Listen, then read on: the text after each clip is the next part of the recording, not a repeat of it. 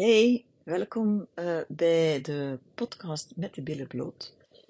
Dit is eh, mijn eigen interview, al word ik niet geïnterviewd uiteraard. Maar ik eh, vertel jou heel graag in deze aflevering, zoals ik dat doe, zoals ik dat altijd doe met mijn podcast. Ja, wat ehm, seksualiteit voor mij betekent, ehm, wat dat mijn ehm, pad geweest is in mijn seksuele bevrijding, in mijn seksueel ontwaken.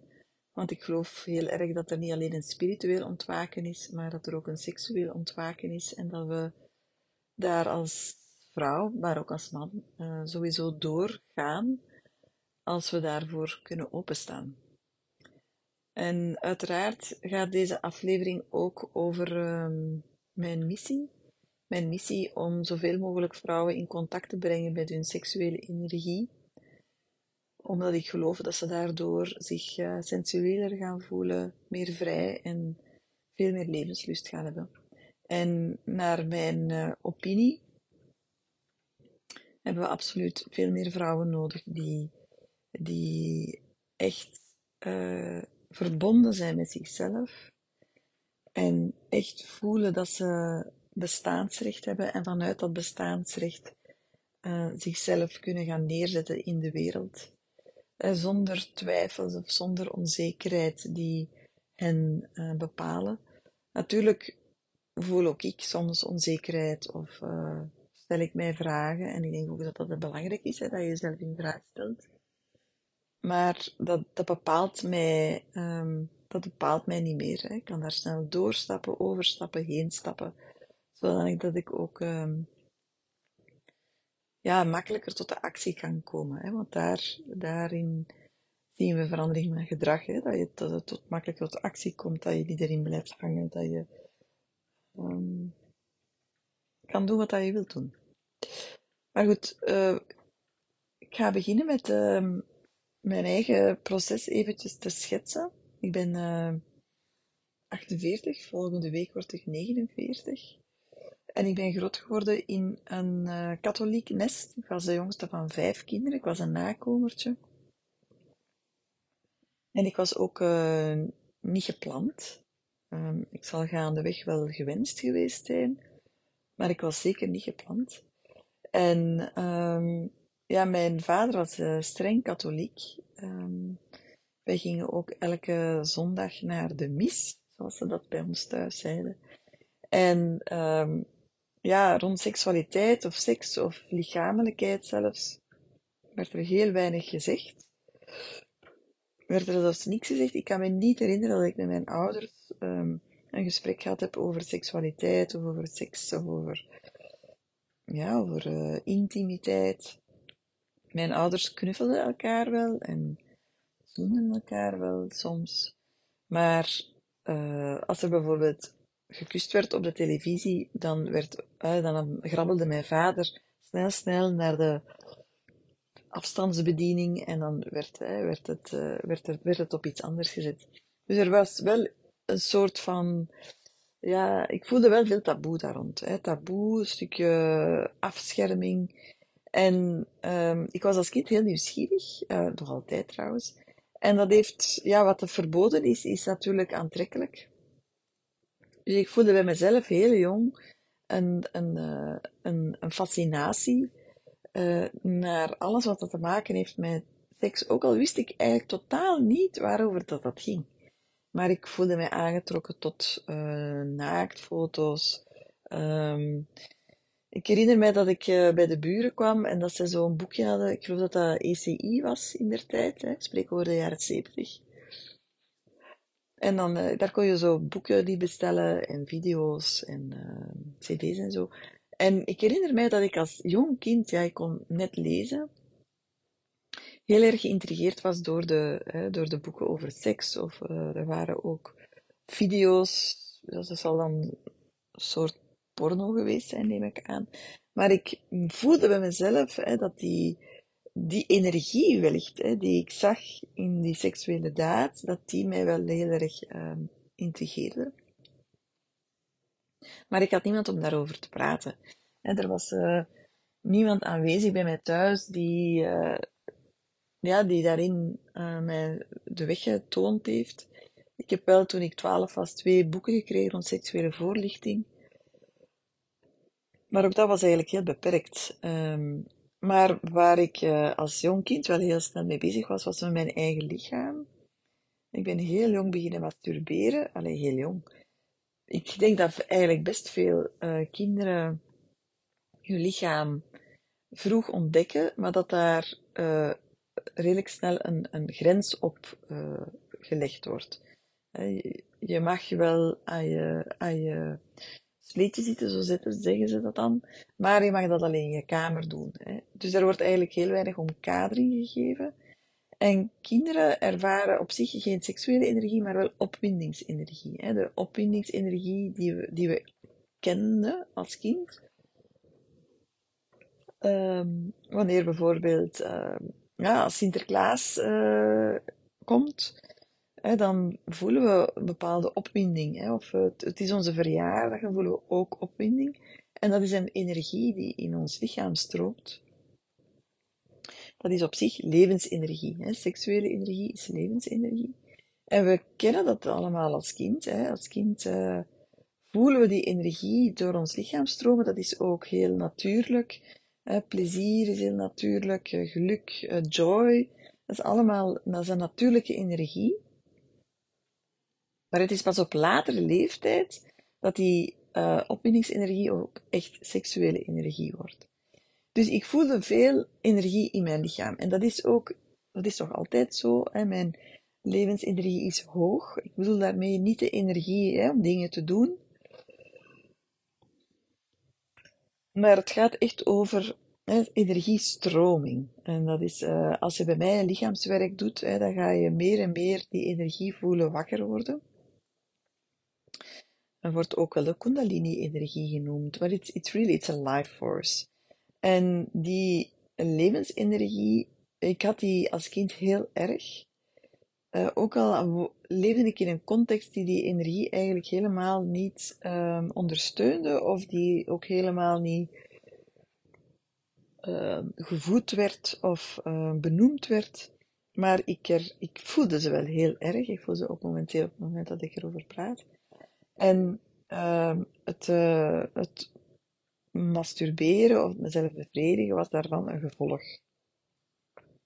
Omdat ik, uh, ja, omdat ik, ik raakte mijn lichaam als kind heel graag aan. En natuurlijk, ja, van het een komt dan het andere. Dus ja, ik vond het een hele prettige manier om te ontspannen, om, uh, ja, om dicht bij mezelf te komen, om, ja, om, om op een of andere manier ja, toch een soort van veiligheid te creëren voor mezelf. En het was natuurlijk heel prettig. Daar is wel, um, ja, er is, een, er is wel een, een schril, contrast geweest hè, met het, het uh, grensoverschrijdende gedrag dat ik heb meegemaakt als kleuter. Dat is ook heel vaag gebleven. Ik heb daar ook aan zich ook, ja, geen fysiek trauma van overgehouden, maar ik heb daarin natuurlijk wel bepaalde kwetsuren opgelopen. Dat is ook uh, grensoverschrijdend gedrag, is gelijk in welke vorm dat, dat gebeurt, is altijd invasief. Hè, raakt aan de integriteit en aan de intimiteit van, van een kind of van een volwassene.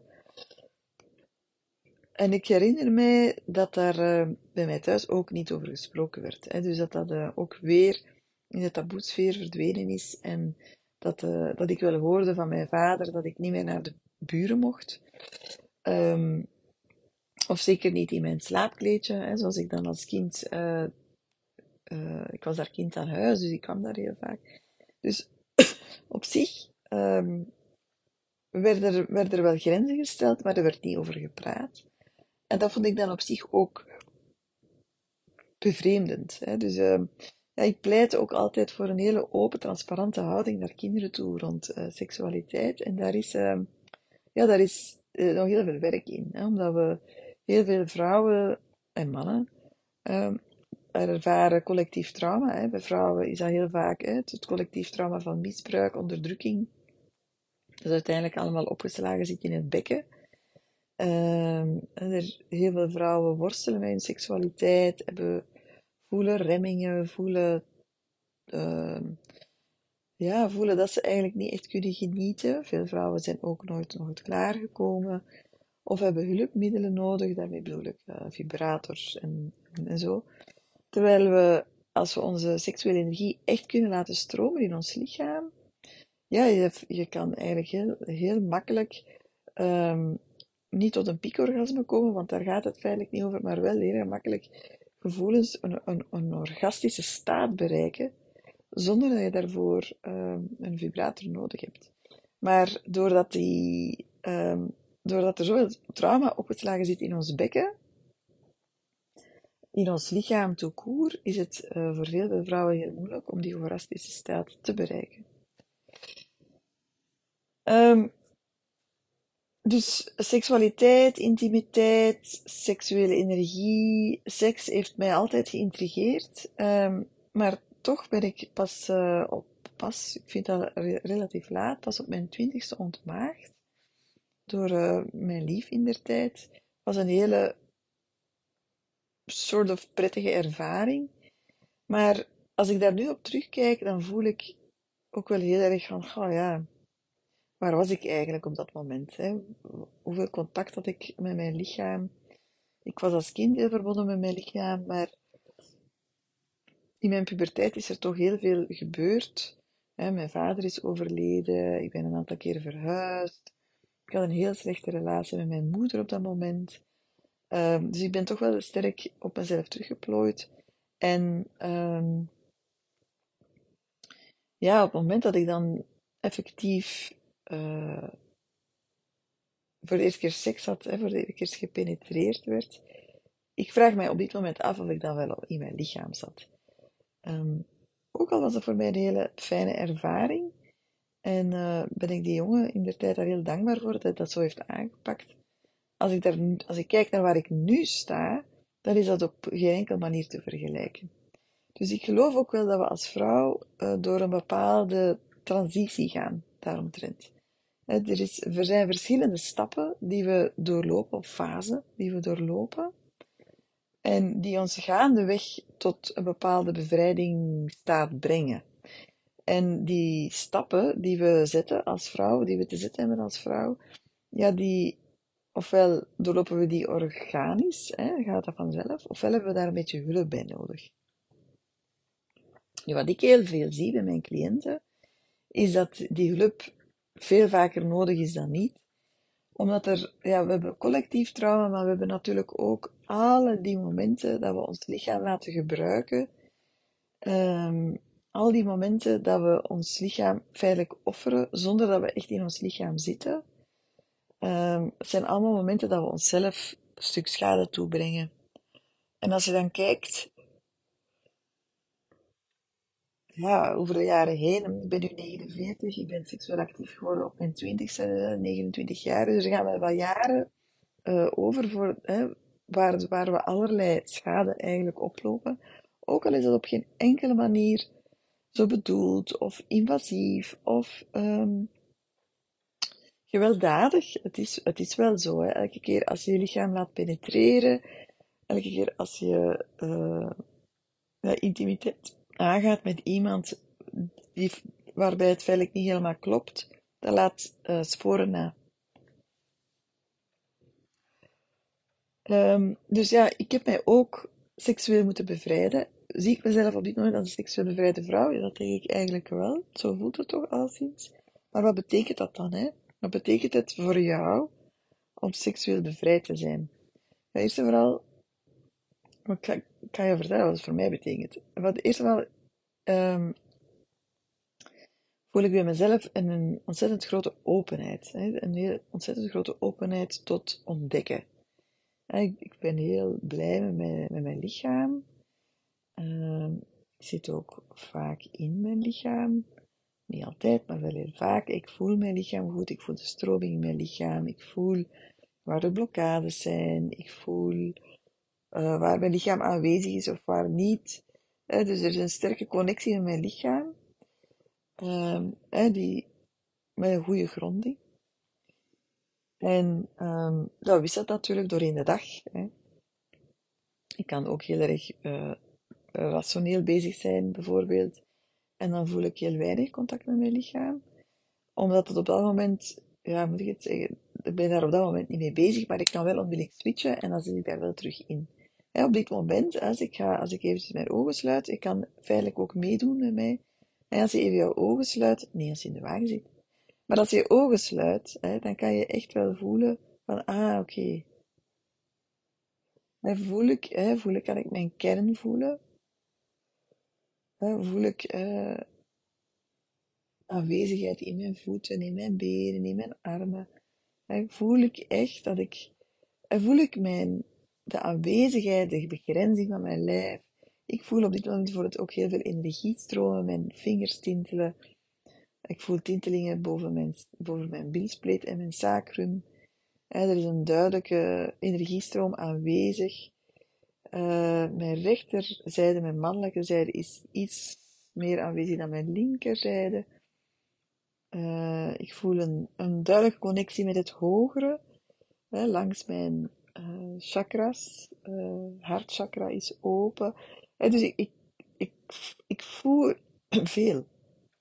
Ik voel ook zelfvertrouwen, ik voel alertheid, tegelijkertijd voel ik ook zachtheid, ik voel kracht. Dat is eigenlijk allemaal.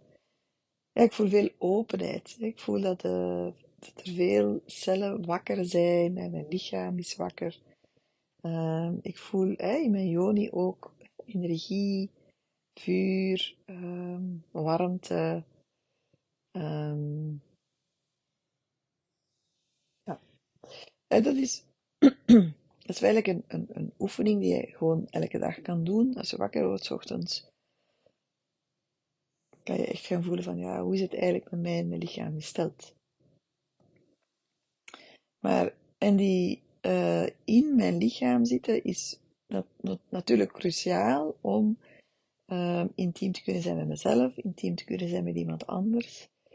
En ik voel daarin uh, ik voel ook heel veel bevrijding rond, uh, ja, rond seksualiteit in het algemeen. Voor mij is seksualiteit iets, um, ja, het is geen doel op zich voor mij, het is, is meer een middel, een middel tot bevrijding, een middel tot uh, joy. Het is een mogelijkheid om uh, mij, uh, ja, mij te ontwikkelen, om bewustzijn te ontwikkelen, om om echt te, te voelen uh, wie ik ben als vrouw. Uh, ik ben ook heel ruimdenkend. Hè. Voor mij is, uh, ja, moet ik het zeggen? Voor mij is um, seksualiteit is echt een speeltuin voor mij. Het is echt een, um, een, uh, een manier om, om het leven te proeven, te ontdekken, te, te ervaren. En dat doe ik graag met mijn partner. Maar ik doe dat ook heel graag uh, met mijn partner, in, met anderen. Hè. Ik, uh, ik heb helemaal geen behoefte aan um, zonder mijn partner seksuele avonturen aan te gaan. Maar voor mij is het het, het ontdekken van anderen of te experimenteren met BDSM of met tantra of met olie of met een dildo bijvoorbeeld, of um, energetische uh, seksuele uitwisseling, of wat dan ook. Hè. voor mij allemaal een, middel om de verbinding tussen mij en mijn partner te verstevigen, te verdiepen, te verankeren. Hè. En dat is feitelijk, um, ja, dat voelt voor mij heel open, heel vrij. Ik voel ook helemaal geen normen of oordeel over hoe mensen met seksualiteit omgaan.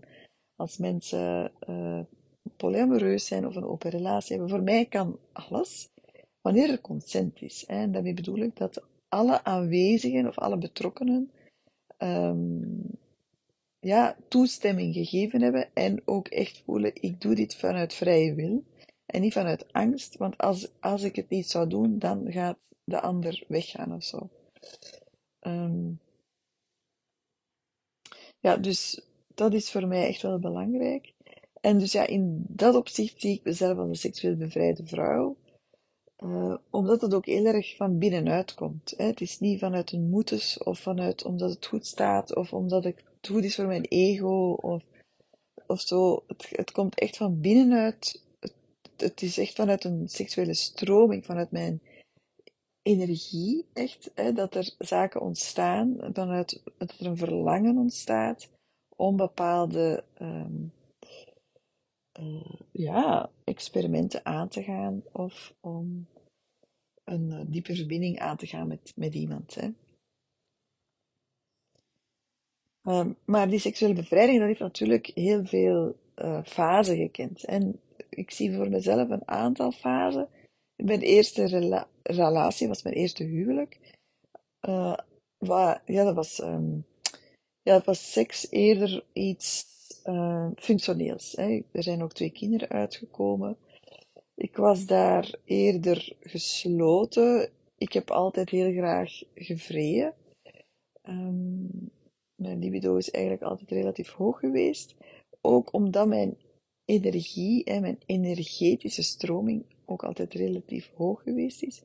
Maar ja, echt vervullend zou ik dat seksleven niet gevoeld hebben, uh, genoemd hebben.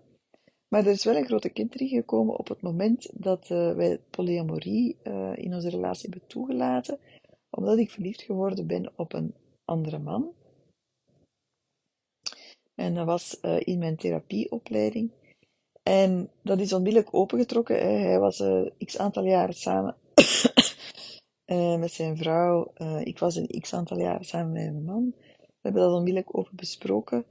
En dat is heel, um, ja, moet ik zeggen, dat is voor mij heel bevrijdend geweest. Hè. Dat was een oudere man, um, die mij, ja, die toch bepaalde zaken kon, die mij toenmalige echtgenoot niet kon, of daar, ja, of daar niet in thuis was. En die mij toch een zekere genot kon verschaffen dat ik dat niet was voor mij. Maar dat is wel een belangrijke,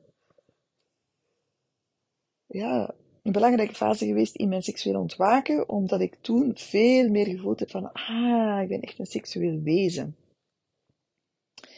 En na die periode, mijn, echt, mijn echtgenoot niks zijn uit elkaar gegaan, ben ik een man tegengekomen die ook heel ruimdenkend was en die ook heel snel begon over een trio bijvoorbeeld, of die mij vragen stelde van wat, vond je, wat vind je fijn, wat vind je niet fijn. Dus dat was ook een ouder man en die was ook veel ruimdenkender dan ik, maar dat heeft wel bij mij veel in gang gezet. En ik ben toen ook wel geconfronteerd geweest met, ja, wat vind ik eigenlijk belangrijk in mijn seksueel leven? Hè? Wat is er voor mij noodzakelijk? En ik liep toen ook echt tegen mijn eigen normen aan. Want ja, na zes weken beginnen over een trio, ik denk niet dat veel koppels dat doen. En ik kwam natuurlijk in mijn eigen stuk terecht van, uh, ja, maar vind jij mij dan niet leuk? Of vind jij mij dan niet lekker? Of uh, waarover gaat dit? En wat gaat dat doen met onze relatie? En et cetera, et cetera, et cetera. Um, dus ja, ik zie uh, seksuele bevrijding ook als een fantastische ingangspoort om bewuster te worden over je eigen denkkaders. En het gaat er bij mij niet over dat iedereen alles moet willen, maar het gaat er voor mij wel heel erg over dat je als man of als vrouw durft te gaan voelen van, oh ja, ik kom, ik kom mezelf tegen, oh, ik, ik wil dit eigenlijk niet meer. En maar hoe komt het dan dat ik dat niet wil? Bijvoorbeeld een trio, ik was toen 33, ja, een trio, waarom wil ik dat dan eigenlijk niet? Is dat dan, gaat dat dan over jaloezie? Gaat dat dan over uh, mogelijk dat hij, dat hij de ander um, lekkerder gaat vinden dan mij? Hè? Wat, wat doet dat met mij? Wat gaat dat met mij doen? Uh, uiteindelijk hebben we dat trio gehad, dat was met twee mannen, uh, met zijn partner en nog een man. Uh, en bleek dan achteraf dat hij er veel meer problemen mee had dan ik. En dat was dan voor mij ook heel interessant. Hè? Ik vind als je met nieuwsgierigheid kan kijken naar je eigen seksuele ervaringen, dat je daar heel veel kan uit leren. En ik vind sowieso nieuwsgierig kijken naar jezelf, zonder oordeel, maar echt onderzoekend, hè, zonder zaken weg te duwen, maar echt te blijven kijken van, ah ja, ik voel dit. Hè. Echt jouw emoties te gaan voelen, in plaats van ze te gaan denken, maar ze echt te gaan voelen. En daar tijd voor te nemen en echt te zakken in je lichaam en te voelen van, wat doet dit nu eigenlijk met mij? Kan je ongelooflijk veel uit leren. Um, ik zal, ik vond, wat ik ook een heel interessant voorbeeld vond, was uh, in Deep Dive. Deep Dive is mijn jaarprogramma. Um, ja, er ontstaan vriendschappen en er staan, ontstaan initiatieven. En een initiatief was dat um, een aantal deepdivers in de Facebookgroep van Deepdive gepost hadden dat ze naar de sauna gingen. En ze vroegen of dat er mensen meekwamen. En een van de deepdivers heeft toegezegd, ja, ik graag, ga graag mee, maar dat was een man. En dat bracht heel veel uh, op gang bij de vrouwen. Daar hadden ze eerst, eerst en niet, al, niet over nagedacht dat er mogelijk een man zou meegaan. Uh, maar ook, ja, wat, wat doet dat met mij als vrouw in een huwelijk als ik met een andere man naar naar de sauna ga? Dan komen er allerlei denkkaders naar boven. Mag dat wel? Kan dat wel? Hoe kijk ik naar naakt? Uh, dat was trouwens een uh, saunabezoek met uh, badkleding, dus dat was zelfs weinig naakt. Um, ja, wat doet dat dan met mij? Kan dat wel? welk denkkader heb ik daar rond? Als ik vind dat dat niet kan, ja, wat zegt dat dan over mij? welke normen heb ik daarover? Dus ik, ik, ik, ik ben een hele grote voorstander van seksualiteit te gebruiken als ingangspoort tot bewustzijn en tot het verruimen van jouw uh, denkkader. Want, laat ons eerlijk zijn, uh, Vlaanderen, het, we praten graag over seks, maar niet, uh, niet in het openbaar. Of niet uh, met naam en toenaam. En voor deze podcast, ik heb best veel vrouwen gevonden om te praten in de podcast, maar ik heb ook veel vrouwen gehoord die zeiden, nee, daar praat ik niet over. Nochtans niet de eerste, de beste. Waarmee ik bedoel, uh, BV's die zeggen, ik praat over alles, maar ik praat daar niet over. Ergens zien we seksualiteit nog altijd als iets privé. Maar de vraag is, hoe komt dat? Waarom maken we dat als iets privé? Uh, ik vind dat helemaal niet zo privé. Ik, ik, voor mij zit, daar zit geen enkele lading meer op. Uh, bij mij mag iedereen alles vragen over mijn seksualiteit, of over mijn seksleven, of over hoe ik intimiteit uh, ervaar. Uh, als je dit hoort en je wilt met mij een interview afnemen daarover, feel free. Dat, ik ben ervan overtuigd dat het een heel boeiend gesprek wordt. Um, omdat we moeten ons er ook bij stilstaan wat dat we doorgeven aan onze kinderen. Waarom zit daar zoveel lading op? Hè? Voor een kind is een, een neus hetzelfde als een vagina. Hè? Voor, uh, een, voor een kind is een paar billen hetzelfde als een paar oren. Hè? Maar wij zijn in onze geest zo beperkt geworden eigenlijk. Hè? Daar zit zoveel lading op, zoveel taboe op, zoveel trauma op, dat we niet meer kunnen kijken naar een naakt lichaam zonder dat daar een seksuele connotatie bij komt. als u zesjarige uh, uw vulva wilt bekijken, alsjeblieft, laat dat toe. Als jij op dat moment zegt van, net dat is ongepast, wees je bewust bij wat dat je doorgeeft aan jouw kind. Voor een kind is een vulva gewoon hetzelfde als uw hand. Maar daar zit, zo, daar zit zoveel um, remming op, um, zonder dat we ons daar zelf bewust van zijn. En we vinden dat normaal. Het is normaal dat we dat als privé beschouwen. Maar dan vraag ik me af, ja, seksualiteit, eh, hoe komt dat daar zo'n taboe op zit? Waarom praten we daar niet graag over? Dat komt natuurlijk omdat daar heel veel ego bij komt kijken, omdat we daar denken dat dat ons op een of andere manier bepaalt. Uh, als we drie keer per week seks hebben, dan vinden we ons, hè, dan zegt dat iets over ons ten opzichte van mensen die uh, drie keer per dag seks hebben, of drie keer per maand, of drie keer per jaar. Hè. Um, dus het is heel interessant om bij jezelf te gaan onderzoeken van, oké, stel dat mijn partner naar mij komt en zegt, ik zou hier graag een, een trio hebben met jou met een andere vrouw, een andere man, maakt niet uit. Wat, wat zet dat in gang bij jezelf?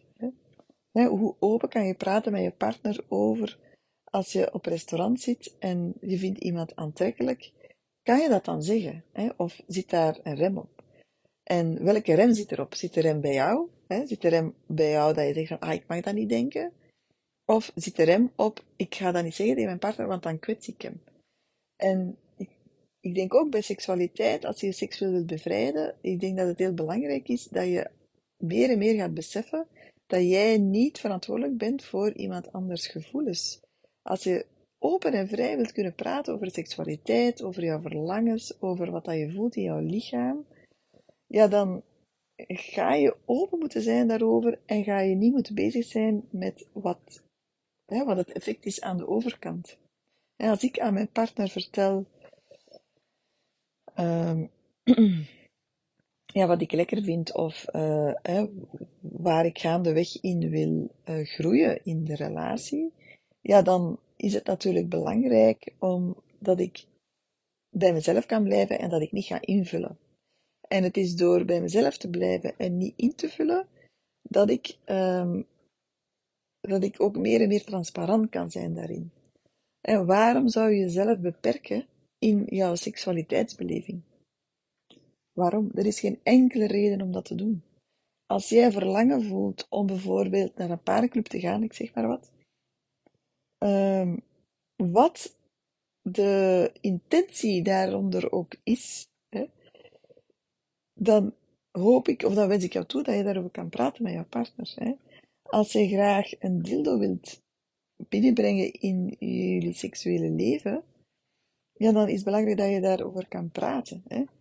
Als jij bijvoorbeeld uh, geen piekorgasmes niet meer wilt, hè, dan is het belangrijk dat je erover kan praten. Het is zo cruciaal voor je seksueel ontwaken dat je over alles kan praten met je partner.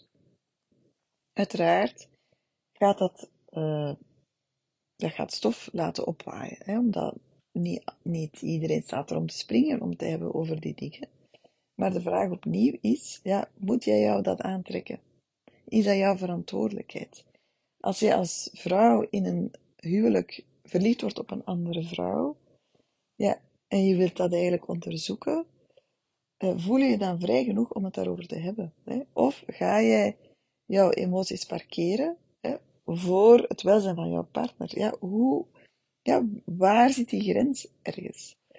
Um, ik pleit hiervoor niet hè, om je huwelijk uh, aan de haak te hangen, maar voor mij gaat het heel erg over durf je te, jezelf te uh, exploreren. Want sowieso, alles wat je afblokt, afremt, wegduwt, onder de mat schuift, ja, dat is allemaal energie die feitelijk alleen maar kan zorgen voor blokkades. En energie die geblokkeerd is, kan zorgen, hè, ga, daar ga je je moe door voelen, ga je je neerslachtig door voelen, kan je ziek van worden. Dus uh, ja, waar zat ik ergens? Uh, ja, dus ik vond het heel interessant dat die man dat dan, hè, daar dan mee op de proppen kwam. Um, en dan ben ik, uh, ben daar een beetje beginnen fladderen, maar dan ben ik uiteindelijk toch bij mijn uh, tweede echtgenoot terechtgekomen, waarin ik, vond ik, zeker in het begin een heel vervullende seksuele relatie mee had. We hadden vaak seks, heel vervullende seks. Ik voelde me heel verbonden met hem. Um, ja, dat was voor mij een hele fijne relatie. Maar dat is gaandeweg, is dat beginnen, ja, beginnen scheeflopen. Ik wist toen natuurlijk niet dat mijn man seksverslaafd was. Uh, en ja, verschillende keren per dag masturbeerde, verschillende partners had naast zijn huwelijk, dat wist ik allemaal niet. Maar de drang, uh, zijn seksuele drang was heel hoog en werd ook gebruikt als manipulatiemiddel. En wat dat ons wel in een heel moeilijk parket gebracht heeft als koppel. Ik voelde alsmaar meer druk. En uh, ik voelde heel erg ook zijn, uh, ja, zijn dwangmatigheid daarin, waardoor ik in, op een of andere manier wel in een soort van kramp terecht ben gekomen. Waardoor ik als wat minder seks wou, waarin ik mij echt soms echt voelde dat ik ja, gebruikt werd. Ehm, ja, de connectie werd alsmaar minder, omdat hij natuurlijk in zijn dynamiek terecht kwam van de verslaving. Enfin, dat, waren, dat waren zijn pittige jaren geweest um, de laatste jaren van ons huwelijk. En dan is uiteindelijk dan is het dan uitgekomen dat hij uh, seksverslaving had. Uh, liefdesverslaving, seksverslaving, wat in een name. Waar, waar ik dan een boek over geschreven heb, Roofdier. Maar dat is voor mij wel een enorme schok geweest, maar dat heeft tegelijkertijd mijn seksualiteit ook enorm gecatapulteerd. Um, want ik heb natuurlijk jarenlang de idee gekregen dat ik abnormaal was. en dat er iets mis was met mij. Maar toen dat, dat dan uh, duidelijk werd dat er een verslaving in het spel was, dat was voor mij een enorme bevrijding. Er was niks mis met mij. Um, ik heb altijd een hoog libido gehad. Mijn seksuele energie is altijd hoog geweest. Het was door de dynamiek tussen ons, hè, dat daar zoveel lading op gekomen is. Hè. Dus het is ook, dat heeft mij ook laten stilstaan bij het feit hè, dat seksualiteitsbeleving of hoe een vrouw kijkt naar zichzelf ook sterk bepaald wordt door de partner waarmee ze in relatie is. Je kan twintig jaar met iemand samen zijn, uh, dat dat seksueel niet klikt, en daardoor allerlei gedachten over jezelf krijgen die feitelijk niet kloppen. En um, op het moment dat ik dan uh, een punt gezet heb achter die relatie, dan ben ik echt gaan seksueel uh, gaan experimenteren. Dat is, een heel belangrijke periode geweest voor mij in retrospectieve. ook al wist ik op dat moment niet goed wat ik aan het doen was. Ik bedoel, het is niet dat ik op een dag ben wakker geworden en gezegd heb, oké, nu ga ik mezelf seksueel ontwaken of ik ga seksueel experimenteren. Ik, heb mezelf gewoon op de arbeidsmarkt gezet. de, of de arbeidsmarkt, niet de arbeidsmarkt, de datingmarkt. En er zijn toen veel mannen gepasseerd en ik vond het heel fijn om daarmee uh, ja, te ontdekken. Wat vond ik fijn? Uh, wat vond ik belangrijk? Um, ik heb oudere mannen gehad, jongere mannen gehad. Um, en dat is voor mij echt wel een fase geweest waarin ik een all-in gedaan heb. En gewoon op alles ja gezegd heb. Ik heb op alles ja gezegd wat er voorbij kwam. En ja, BDSM is dan in mijn leven gekomen, was voor mij heel bevrijdend om ja, um, Ja, het is voor mij heel bevrijdend geweest om te voelen hoe het is om mij echt totaal, in totale overgave aan een man te geven en de controle volledig los te laten. En te voelen bij mezelf dat ik dat lekker vond, dat ik dat opwindend vond, hè, dat ik daar geil van werd, dat ik voelde, ah, dat maakt dingen bij mij wakker. En ja, ik heb, ik heb het heel, toen, hè, op dat moment, uh, intussen ben ik alweer verder, maar uh, heel erg gevoeld hoeveel erotiek er kan zijn in de overgave. Hè? In hoe een man met een bondage mij helemaal kan fixeren, waardoor ik geen kant meer uit kan en mij daar in volle vertrouwen mij daaraan kan geven, omdat ik 100% zeker wist dat hij niks ging doen wat ik niet fijn vond. En dat is het, uh, het mooie spel bij bij BDSM, hè, daar, is, zijn heel veel verhalen er over, maar in essentie, uh, degene die de, de dominant is, hè, zal niks doen wat degene die onderdanig is niet fijn vindt. Maar dat vraagt heel veel vertrouwen natuurlijk, maar ook heel veel mensenkennis. Hè. Die persoon kende mijn lichaam eigenlijk best goed, hè, kon mijn lichaam heel goed lezen. En voelde eigenlijk aan elke beweging die mijn lichaam maakt van, ah, dat vindt ze fijn, dat vindt ze niet fijn. En het gaat uiteindelijk om het genot van allebei. Hè. Het is niet zo dat als er. Uh, uh, ik kijk helemaal niet op pijn, ik kijk uh, eerder op angst. Um, maar het is, als, er, als er gekikt wordt op pijn, hè, als dat de opwinding is, als dat fetish is, dat niemand heeft er baat bij als er iemand bewusteloos geslagen wordt. Hè. Hm. Dus dat is een, heel, hele fijne lijn tussen genot en pijn, tussen pain en pleasure. Dus wat vindt de, de onderdanige fijn, niet fijn? Dus dat is een heel, dat is een heel uh, subtiel spel, feitelijk, waar er heel veel respect bij komt. Dus ik vond dat heel uh, interessant. Ik vind het heel interessant om te voelen, of ik vond het heel interessant om te voelen wat dat bij mij teweegbracht. En um, ja, dat heeft uh, een hele belangrijke rol gespeeld in mijn seksueel ontwaken. Ik heb toen ook veel geëxperimenteerd. Uh, ik heb seksfeestjes gedaan. Um, um, trio. Ik, heb eigenlijk alles gedaan wat ik wou doen. En dat ging voor mij niet zozeer om het, het losbandigen of om het. ik heb dat nodig, maar ik vond het een heel fijne ehm, ontdekkingstocht ontdekkingstocht om te voelen bij mezelf van, uh, ja, waar zit mijn, heb ik een grens en waar is die? En ja, mijn denkkader, ah, dat vind ik, dat vind ik maar raar, uh, dacht ik dan soms. En dan kon ik ook altijd gaan voelen en zeggen, ja, maar ik, wat, wat maakt nu dat ik dat raar vind? En als, elke keer als je zegt bij jezelf, dat vind ik raar, of dat vind ik ongehoord, of dat past niet, of dat mag niet. En dan is het altijd interessant om jezelf de vraag te stellen, um, maar waarom? Hè?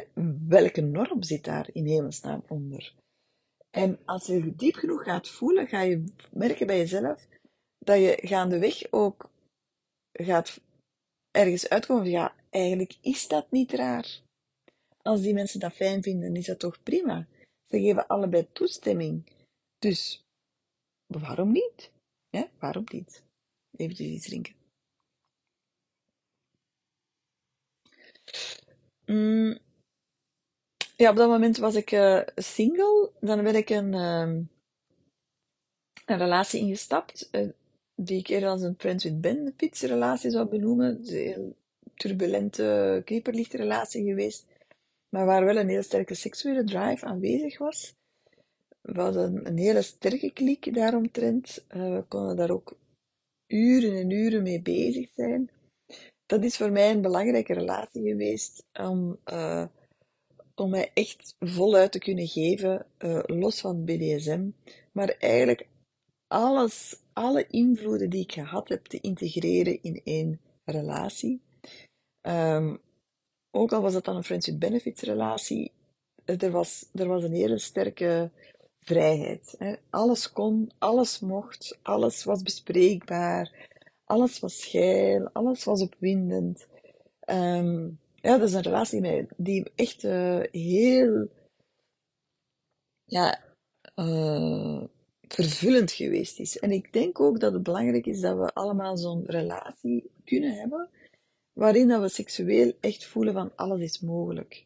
Omdat we daar, daardoor een, een opstap kunnen maken naar, naar, naar, naar iets anders naar meer het spirituele, de tantra. Want ja, hoe vrijer dat je wordt, hoe opener dat je komt, hoe meer dat er de zaken bespreekbaar worden, ja, hoe meer dat die seksuele energie kan beginnen stromen. Hè. En natuurlijk maak je daardoor de weg vrij naar, hè, naar de, de, de energetisch-seksuele relatie. Um, en uh, ja, hoe sterker jouw energetisch veld wordt, en je seksuele energie, en hoe sterker dat die wordt, ja, hoe, hoe makkelijker het natuurlijk wordt om iemand aan te trekken die ook in die seksuele energie uh, uh, aanwezig kan zijn. Um, maar dus doorheen al die fasen heb ik gewoon heel ver gevoeld hoe belangrijk het is om ja, om mijn lichaam graag te zien, hè, om elk, elke millimeter van mijn lijf te kunnen voelen, te kunnen aanraken, om daar vrede mee te hebben, om met mijn vrouwelijkheid echt helemaal in het reinen te komen, om echt te voelen van, ah, ik ben echt graag vrouw. En um, uh, mijn seksualiteit maakt zo erg deel uit van mijn identiteit. Uh, dat er geen taboes meer op zitten, dat, dat gewoon één is. Uh, dat die seksuele energie die door mijn lichaam stroomt en die ik voel tintelen, die, ja, waardoor ik uh, geen piekorgasmes niet meer heb, maar echt meervoudige orgasmes kan krijgen zonder dat ik zelfs aangeraakt word.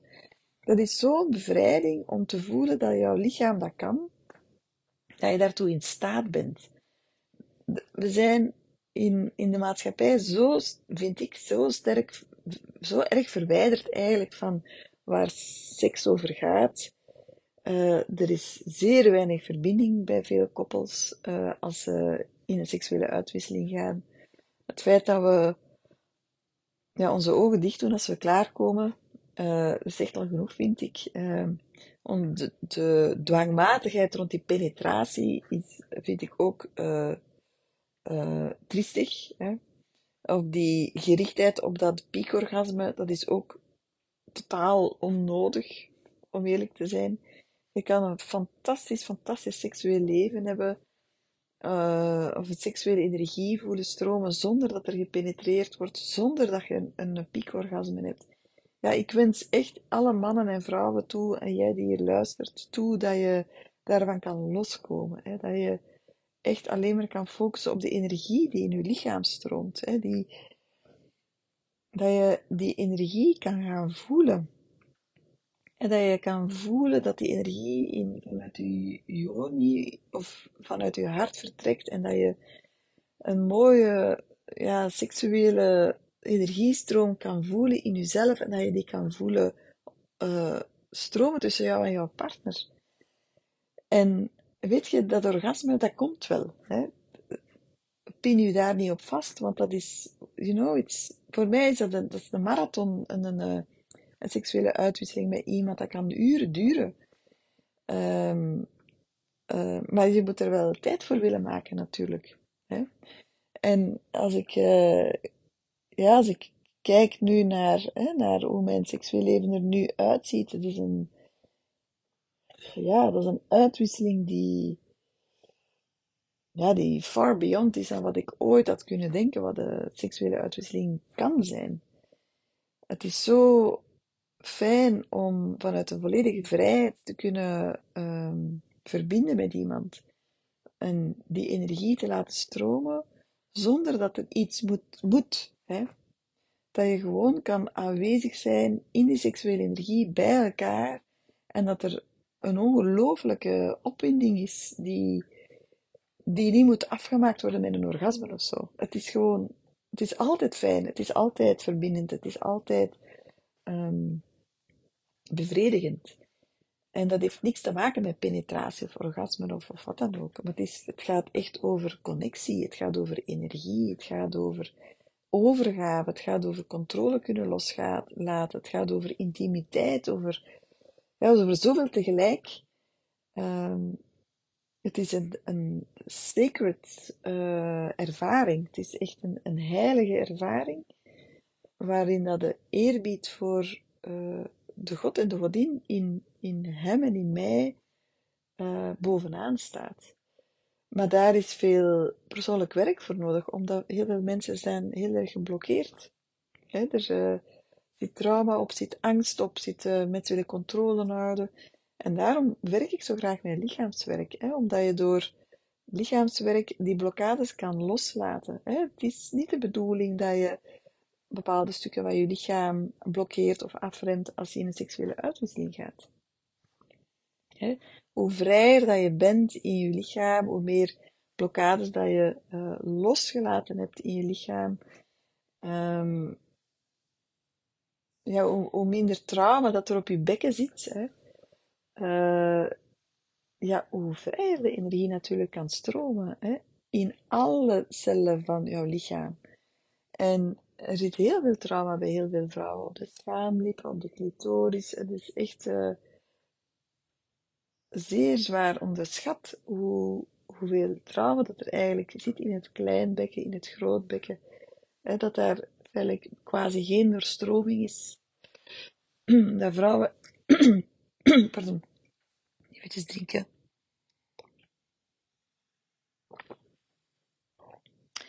Dat vrouwen feitelijk, ja, uh, niet thuis zijn in hun eigen lijf. Hè? En door het lichaamswerk dat ik doe, door het lichaamswerk dat ik geef, hè, wat feitelijk een combinatie is van en gestalttherapie en ademwerk en uh, met de emoties aan de slag gaan en stress release en en en en en en en hè? Um, ja, daardoor kan je die blokkades feitelijk via, een, via jouw lichaam uh, losmaken, lostrillen letterlijk. Hè? En het is door het losmaken, het lostrillen, dat, er, um, ja, dat je ruimte creëert in jouw lichaam, in jouw cellen. Want als een, een cel benepen zit door trauma of door stress, dan kan er natuurlijk geen energie doorstromen. Hè? Je mag bekijken dat je lichaam opgebouwd is door, uh, uh, in, uh, door cellen, hè, verschillende cellen. En in die cellen zitten atomen, en in die atomen neuronen. En ben geen fysicus, maar als je verder en verder gaat kijken, ja, dan ga je zien dat er in een atoom uiteindelijk, daar, daar, zit een, een, een, leegte en dat is energie dat daarin zit. Hè. We zijn opgebouwd uit energie. Maar uh, als die energie vastgehouden wordt door stress, door spanning, door trauma, ja, dan kan er ook geen energie doorstromen. Hè. Dus die energie zit dan vast, feitelijk. En door dit lichaamswerk, hè, door het werk dat ik doe, hè, kan die, kunnen die cellen, krijgen die ruimte, hè, komt er leven in, letterlijk, komt er aanwezigheid in en kan er ook stroming komen van die energie. Hè.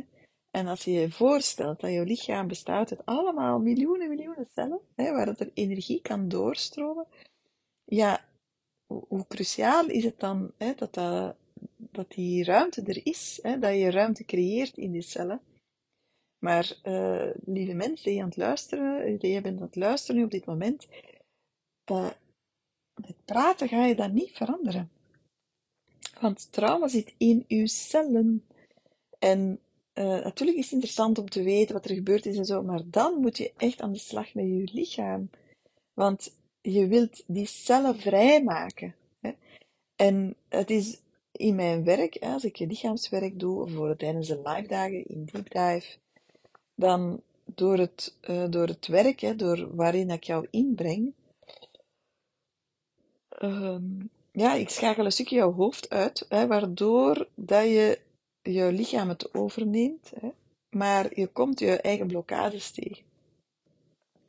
En die blokkades, uh, ja, die brengen natuurlijk angst naar boven. Angst, verdriet, kwaadheid, wat weet ik allemaal. Maar dat is ook een stuk wat er los moet komen, dat wat er losgetrild mag worden. Hè. En als het losgetrild wordt, dan kan het ook beginnen circuleren in je lichaam en kan het ook opgenomen worden, verdwijnen uh, uit jouw lichaam. En dat is zo cruciaal. Je kan jezelf niet seksueel bevrijden, of je kan geen seksueel ontwaken hebben als je niet met je lichaam bezig bent. Het is zo'n fysiek gegeven. En daarom vind ik het, hè, daarom is lichaamswerk mijn tool. Hè. Het is een middel, het is geen doel op zich, het is gewoon een tool. Um, dat bestaat uit verschillende tools die ik jou aanleer.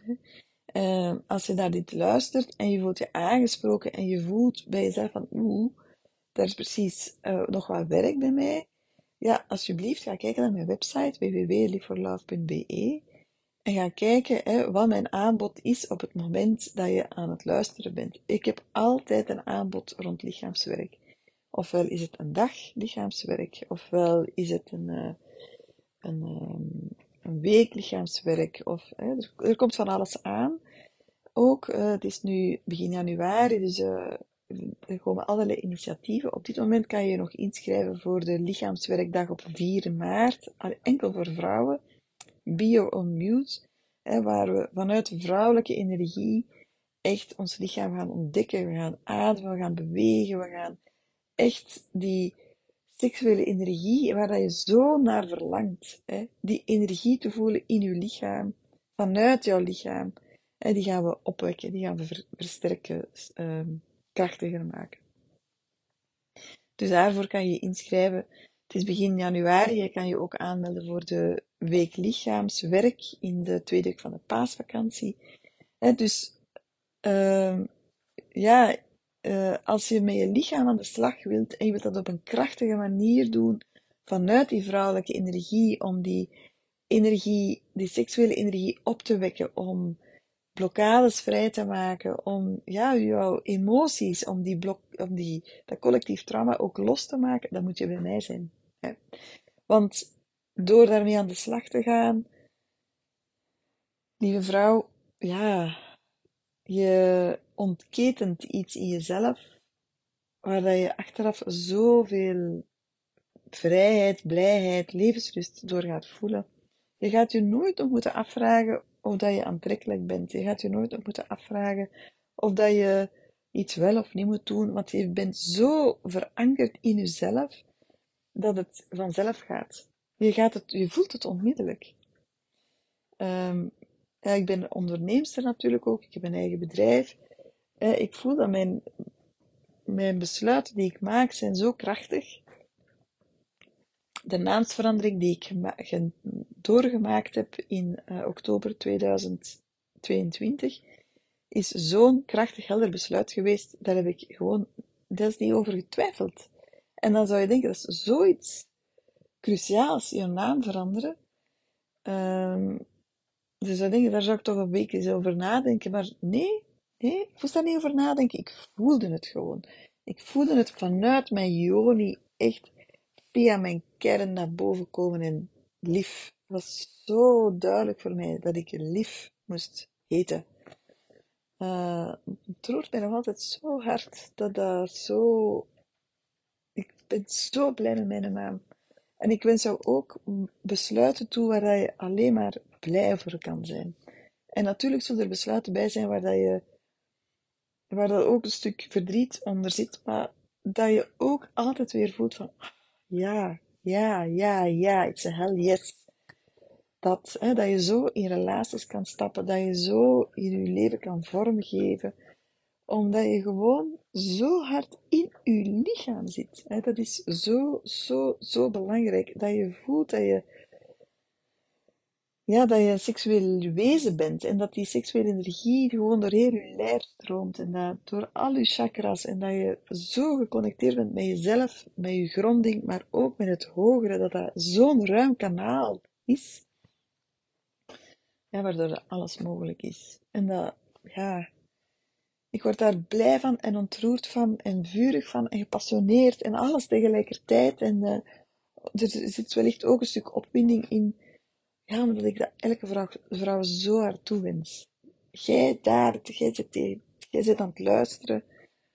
Als je voelt dat het prikkelt, of als je voelt van, oh my god, ik wil dat ook, en oh my god, ik durf het niet, echt waar. Schrijf je in voor iets wat ik doe. De, je hebt niks te verliezen. Echt niks. Je gaat alleen maar winnen. Um, je gaat alleen maar winnen. En um,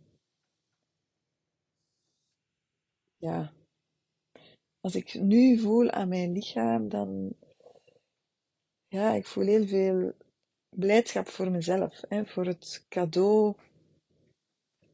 Ik had mij voorgenomen om niet te beginnen wenen tijdens deze podcast, maar elke keer als ik podcast zelf opneem, dan is er toch altijd een moment dat ik heel dicht bij mezelf kom. Uh, als ik nu mijn lichaam voel, dan voel ik leven. Um, het leven dat zo on, onvermijdelijk, on, uh, ongetwijfeld uh, door mij stroomt. En dan ben ik zo dankbaar aan mezelf um, dat ik het werk gedaan heb dat ik gedaan heb, dat ik tot hier geraakt ben um, dat ik vanuit deze staat van zijn, hè, waar dat die energie door al mijn cellen stroomt, hè, dat ik mij verbonden voel met mezelf, met, mijn, met de grond, maar ook met alles wat dat onzichtbaar is, uh, met het hogere, met, de, met, het, met alle energie rondom mij, hè, met, met de liefde, met de wholeness, uh, dat alleen maar liefde door mij stroomt en licht. Uh, dat, ik, dat ik het werk gedaan heb dat ik moest doen uh, om tot hier te geraken. Dat is van zo, zo'n onschatbare waarde geweest voor mij als vrouw om mij vanuit die staat, vanuit die kern te kunnen verbinden met, met de man op dit moment aan mijn zijde.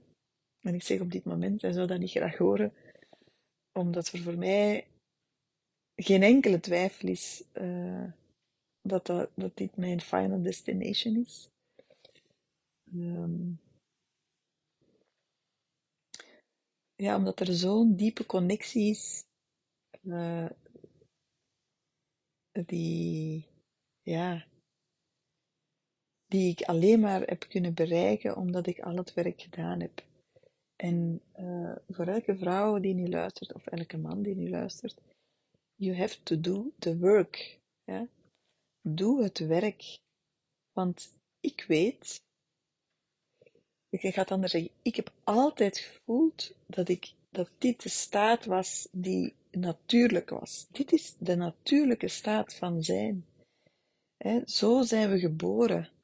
We zijn geboren als een bundel van licht en liefde met cellen waar de energie doorstroomt. waar er heel weinig blokkades waren.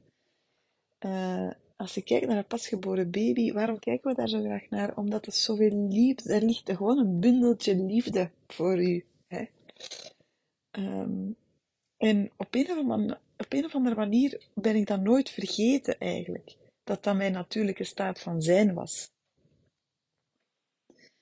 En ik wist niet, ik ben op mijn twintigste begonnen aan zelfontwikkeling en natuurlijk wist ik niet waar ik naar onderweg was. En ik ben er nu ook niet, hè, want er is nog altijd te ontwikkelen en te groeien. En, uh, maar ik voel wel heel erg van, ah, ah, ik wens dit iedereen zo hard toe om hier terecht te komen. De wereld zou zo'n schone plek zijn, moest iedereen die mate van, of die diepte van liefde kunnen voelen voor zichzelf.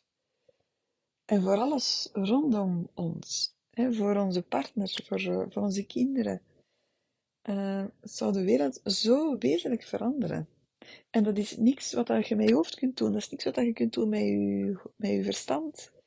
Dat is iets dat gebeurt van binnenuit.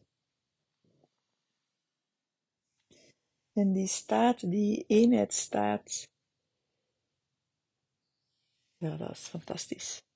En dat is niet iets wat je op één dag lichaamswerk bereikt. En dat is ook niet iets wat je uh, bereikt op, uh, op een jaar deep misschien niet zelfs. Maar het is wel een staat waar we, waar we allemaal naar verlangen. En het gekke is, je kunt het niet pakken, je kunt het niet controleren. Het is door de stroom te volgen, door die alignering te maken tussen uh, ja, body, mind en soul. Uh, door je eigen blokkades los te maken, door in de overgave te kunnen gaan, door dat allemaal te doen, dat je, dat je erin terechtkomt, hè, dat je erin valt. Hè. Ik ben erin terechtgekomen door deze podcast, hè, door te praten, door mijn eigen stem, hè, door die alignering van al die cellen. Het is een fantastisch, fantastisch gevoel. Hè. En ik wens het jou heel, heel erg toe. En want dat gaat over die, die seksuele ontwaken, seksuele bevrijding. Uh, gaat over zoveel en het gaat over. Er komt zoveel in samen: hè, uw fysiek lichaam, maar uw emotie, uw mentale staat, uw spirituele staat, uw energetische staat. Uh, er komt zoveel in samen. Als je vanuit die staat in een uitwisseling kan gaan met je partner of met een partner, ja, dan kom je in een totaal andere bewustzijnsveld terecht, bewustzijns, energetisch, seksueel veld terecht. En uh, dan wordt er zoveel mogelijk. Um, ja. Maar er wordt zoveel mogelijk, niet alleen op seksueel gebied, maar gewoon in je leven. Hè. Je kan bereiken wat dat je wilt. Je kan echt bereiken wat dat je wilt. En vanuit deze staat ga je voelen dat dat ook alsmaar dichterbij komt. Je, je bent alles al. Hè. Je hebt alles al. Je moet er alleen in geloven en je bent gaandeweg gaan geloven dat het niet mogelijk was. Uh, of dat je beperkingen had, of, uh, maar dat is niet zo. Dat is gewoon niet zo. We zijn echt multidimensionaal. We zijn zoveel als mens. We zijn fantastisch. Um, ja, dus ga daar maar terug in geloven. Zo. Als je tot hier uh, hebt kunnen luisteren naar mij, uh, ben ik heel benieuwd naar, uh, ja, naar wat het met jou gedaan heeft. Zoals ik bij elke uh, podcastgast je vraagt heb, is dat wel eens de boodschap aan de vrouwen die luisteren op dit moment? Um,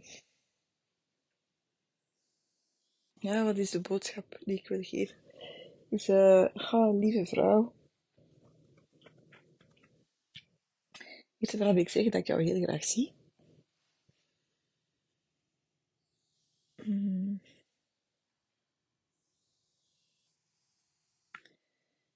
En ja, wens jou heel erg toe dat je, dat je echt, echt vanuit jouw lichaam kan gaan voelen, een diepe liefde kan gaan voelen voor jezelf. Uh, zodanig dat je echt niet meer hoeft te twijfelen aan, aan jezelf. En dat je gewoon kan gaan doen wat dat jij wil doen. En dat je niet meer hoeft bezig te zijn met uh, wat gaan de mensen denken, of mag ik dat wel, of hoort dat wel. Maar dat je gewoon gaat doen wat dat jij diep van binnen voelt dat je te doen hebt. Durf je verlangens te volgen. Durf zotte dingen te doen. Durf die dingen te doen waarvan dat je denkt dat andere mensen denken van, oh my god, allee, really? durf ook echt je leven in handen te nemen. Nu. Je hebt geen honderd jaar meer voor de boeg, hè. Doe het nu. Als je voelt dat je nu iets te doen hebt, doe het dan nu. Ga... Het heeft geen belang hoe oud dat je bent, of hoe lang dat je al met iemand samen bent, of, of dat je al genoeg boeken gelezen hebt, of wat dan ook. Doe het nu. Zet die stap. Ga het echt doen vanuit liefde voor jezelf. En volg uw verlangens echt vanuit uw kern. Ja, dat wil ik jou meegeven als uh, boodschap. Dankjewel om te luisteren. Dankjewel ook voor alle support. Um, als je mij nog niet kende of je bent hier terechtgekomen toevallig, um, ja, ik ben lief. Um, en ik ben een, uh, een vrouw. ik ben moeder van drie kinderen en van een sterrenkindje. ik ben uh, een zot geval, een seksueel wezen, een icoon ook. Een mentor voor heel veel vrouwen. En uh, ik uh, help jou heel graag om contact te maken met jouw seksuele energie, zodanig dat je ja, meer sensualiteit, vrijheid en levensrust kan ervaren in jouw leven. En uh, als je meer wilt weten over mij, dan nodig ik jou uit om mij te volgen op Instagram, Live for Love. Mijn um, website is uh, www.liveforlove.be. Heb ook een fantastische webshop. Die vind je ook via mijn web, web, website, waar je allerlei leuke producten kan kopen om jouw vrouwelijkheid te omarmen, om jou meer vrouw te voelen, om ja, jou, ja, die vrouw echt te zijn die je wilt zijn. En um, ja, ik ben heel benieuwd wat deze podcast met jou gedaan heeft, wat je ervan meeneemt, waar het jou geraakt heeft, hè, wat jouw belangrijkste inzicht is um, en wat dat je wilt integreren, natuurlijk. En um, ik zie jou heel graag bij de volgende aflevering van Met de Billen. Tot gauw.